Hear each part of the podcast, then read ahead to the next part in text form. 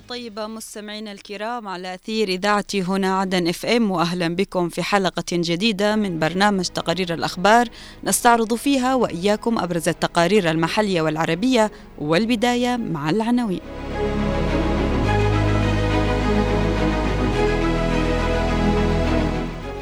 المهرة تنتصر لهويتها الجنوبية.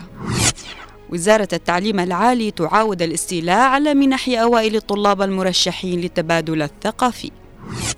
افتتاح مركز الدعم النفسي والاجتماعي وحماية الطفل بالعاصمة عدن. وزارة العدل تكرم الموظفين المتميزين في المحاكم الابتدائية والاستئنافية والهيئات التابعة لها.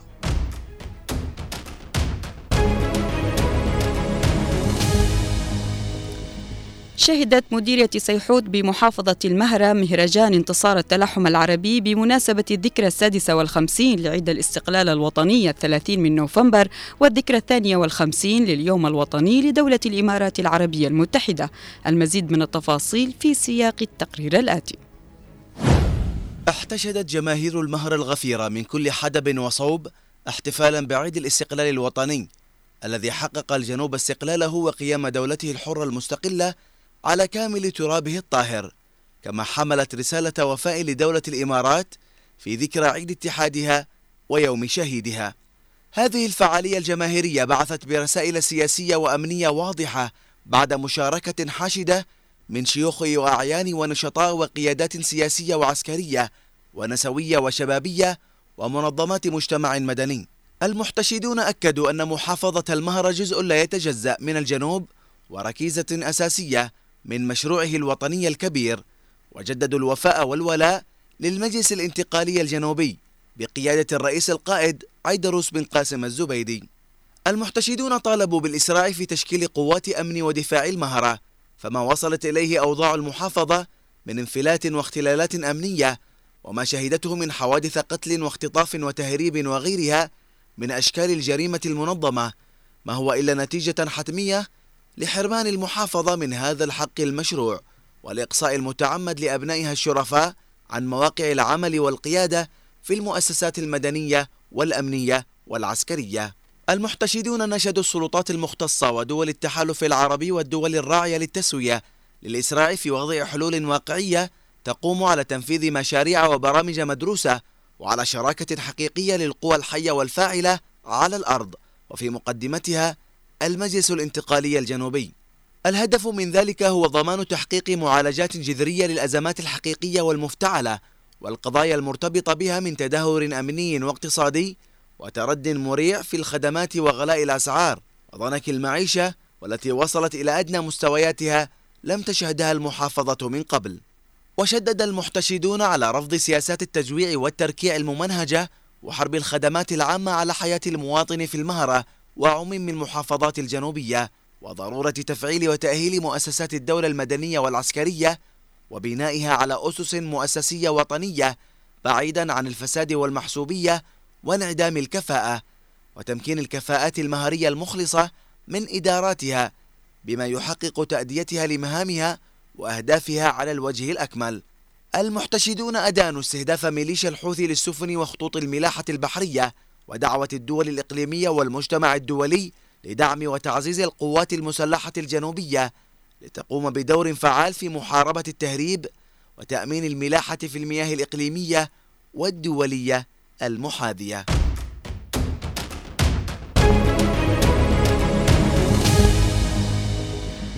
كشف الطلاب المرشحون لمنح التبادل الثقافي إلى جمهورية مصر الشقيقة عن عودة وزارة التعليم العالي والبحث العلمي إلى الاستيلاء على المنح المخصصة لهم مطالبين بفتح تحقيق في الواقعة التي تتكرر كل عام. تفاصيل أوفى في سياق هذا التقرير. تعد القرصنة تقتصر على الأعمال العدائية في البحر الأحمر ولا على الاستيلاء على المحادثات. بل أنها غزت أرقى وأعلى المستويات الحكومية كان أبرزها القرصنة المعتادة التي تمارسها وزارة التعليم العالي طيلة السنوات الماضية من خلال الاستيلاء على المقاعد الدراسية لمنح التبادل الثقافي ومساعدات المبتعثين للدراسة في الخارج. أوائل الطلاب الذين حصدوا المراكز الأول في امتحانات المفاضلة التي دعت لها وزارة التعليم العالي عبر موقعها الإلكتروني للعام الجامعي 2023-2024 في تخصصات الطب والهندسة نظموا وقفة احتجاجية بمبنى الملحقية الثقافية بالقاهرة للتنديد بالاستيلاء على المنح المخصصة لهم والمحددة من الجانب المصري بنسبة 25% من المقاعد الدراسية وتحويل المقاعد لطلاب آخرين غير مستحقين.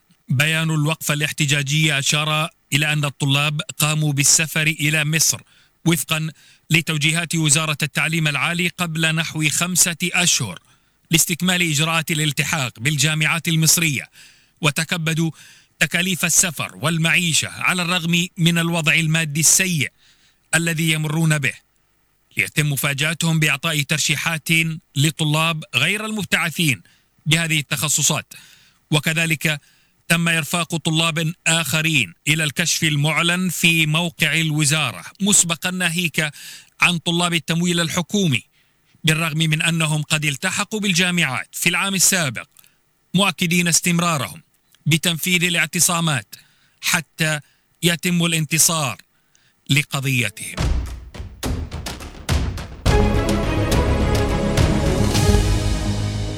افتتح مكتب الشؤون الاجتماعية والعمل بالعاصمة عدن اليوم مركز الدعم النفسي والاجتماعي وحماية الطفل الذي يهدف إلى دعم الطفل نفسيا واجتماعيا ويوفر له بيئة تعليمية وترفيهية وحمايته من العنف الجسدي والنفسي.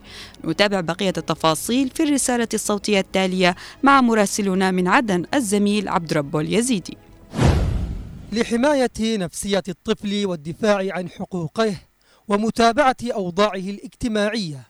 افتتحت إدارة الدفاع الاجتماعي بمكتب الشؤون الاجتماعية والعمل مركز الدعم النفسي والاجتماعي وحماية الطفل بالعاصمة عدن كملاذ آمن يحمي براءة الطفولة ويضمن لهم حقوقهم. نيابة عن وزير الدولة محافظ العاصمة عدن اليوم تم افتتاح مركز دعم آه، الاجتماعي والنفسي وحمايه الطفل في في محافظه عدن وهذا المركز تبع مكتب شؤون الاجتماعية والعمل اللي رأسه الدكتور محمد حمود. آه، ونحن من هذا المكان. نقدم كل الشكر والتقدير لمنظمة اليونيسيف التي دعمت هذا المركز وخرجته بهذا الإخراج. ونطلب من جميع العاملين في هذا المركز الاهتمام بهذا المركز من شأن نرعى أطفالنا في هذا المكان. مركز دعم الطفل نفسيا واجتماعيا يركز على التنشئة الحسنة للطفل ويمكنه من اللعب السليم والقدرة على تطوير ملكاته وقدراته العقلية والنفسية. في بيئة ملائمة وتمثل له جدارا يحمي حقوقه ويسعى لأخذ حقه من أي اعتداءات أو محاولات لاستغلال طفولته. حقيقة مكتب الشؤون الاجتماعية والعمل يبذل جهود كبيرة جدا بدعم وتعاون من مكتب اليونيسيف بعدن في آه، استمرارية وتوسع رقعة هذه المساحات الآمنة للأطفال كونها ضرورية جدا وتوفر الدعم النفسي ونوع من إخراج الطفل من الضغوطات التي آه، كانت موجودة وخصوصا بعد الحرب. الآن وصلنا إلى مراحل طيبة. المساحات الخضراء والآمنة ساعدت الأطفال حاولت يعني قدر الإمكان أن ترفع من آه، هممهم. وأيضا آه، نوع من التعليم البسيط في المراحل الأولى. وأيضا من خلال التبادل ما بين الفصول الدراسية وما بين أماكن اللعب والرفاهية. كون الطفل بحاجة إلى يعني مراحل آه، منتظمة في عملية رفع من قدراته. النشوء الصحيح للأطفال والمراهقين. يجعلهم فعالين في المجتمع مستقبلا. يسهمون في نهضته ونمائه وازدهاره. في حين إذا تعنف الطفل فستكون النتائج عكسية. فالطفل الذي لم يحتضنه المجتمع سيعود ويحرقه يوما ما ليشعر بالدفء.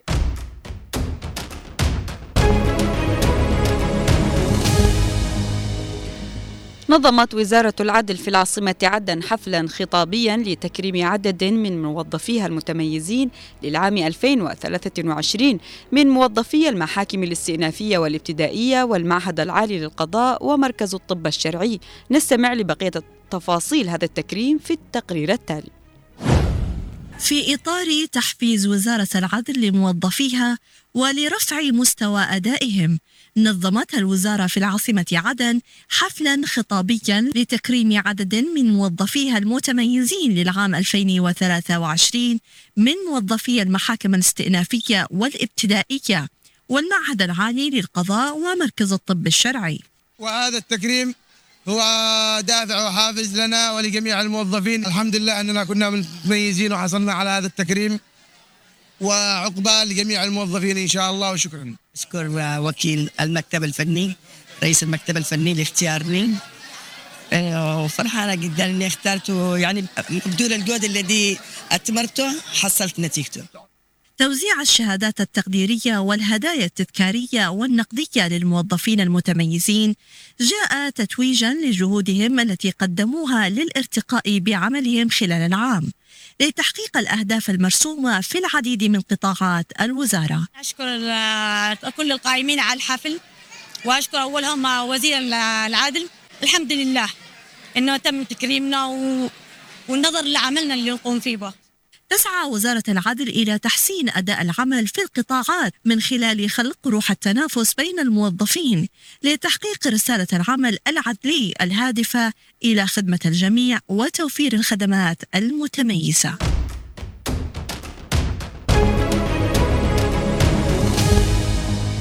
مستمعينا الكرام إلى هنا نصل إلى ختام هذه الحلقة من برنامج تقارير الأخبار. كنت معكم من الإعداد والتقديم أنا عفراء البيشي ومن الإخراج خالد الشعيبي. أطيب التحية إلى اللقاء.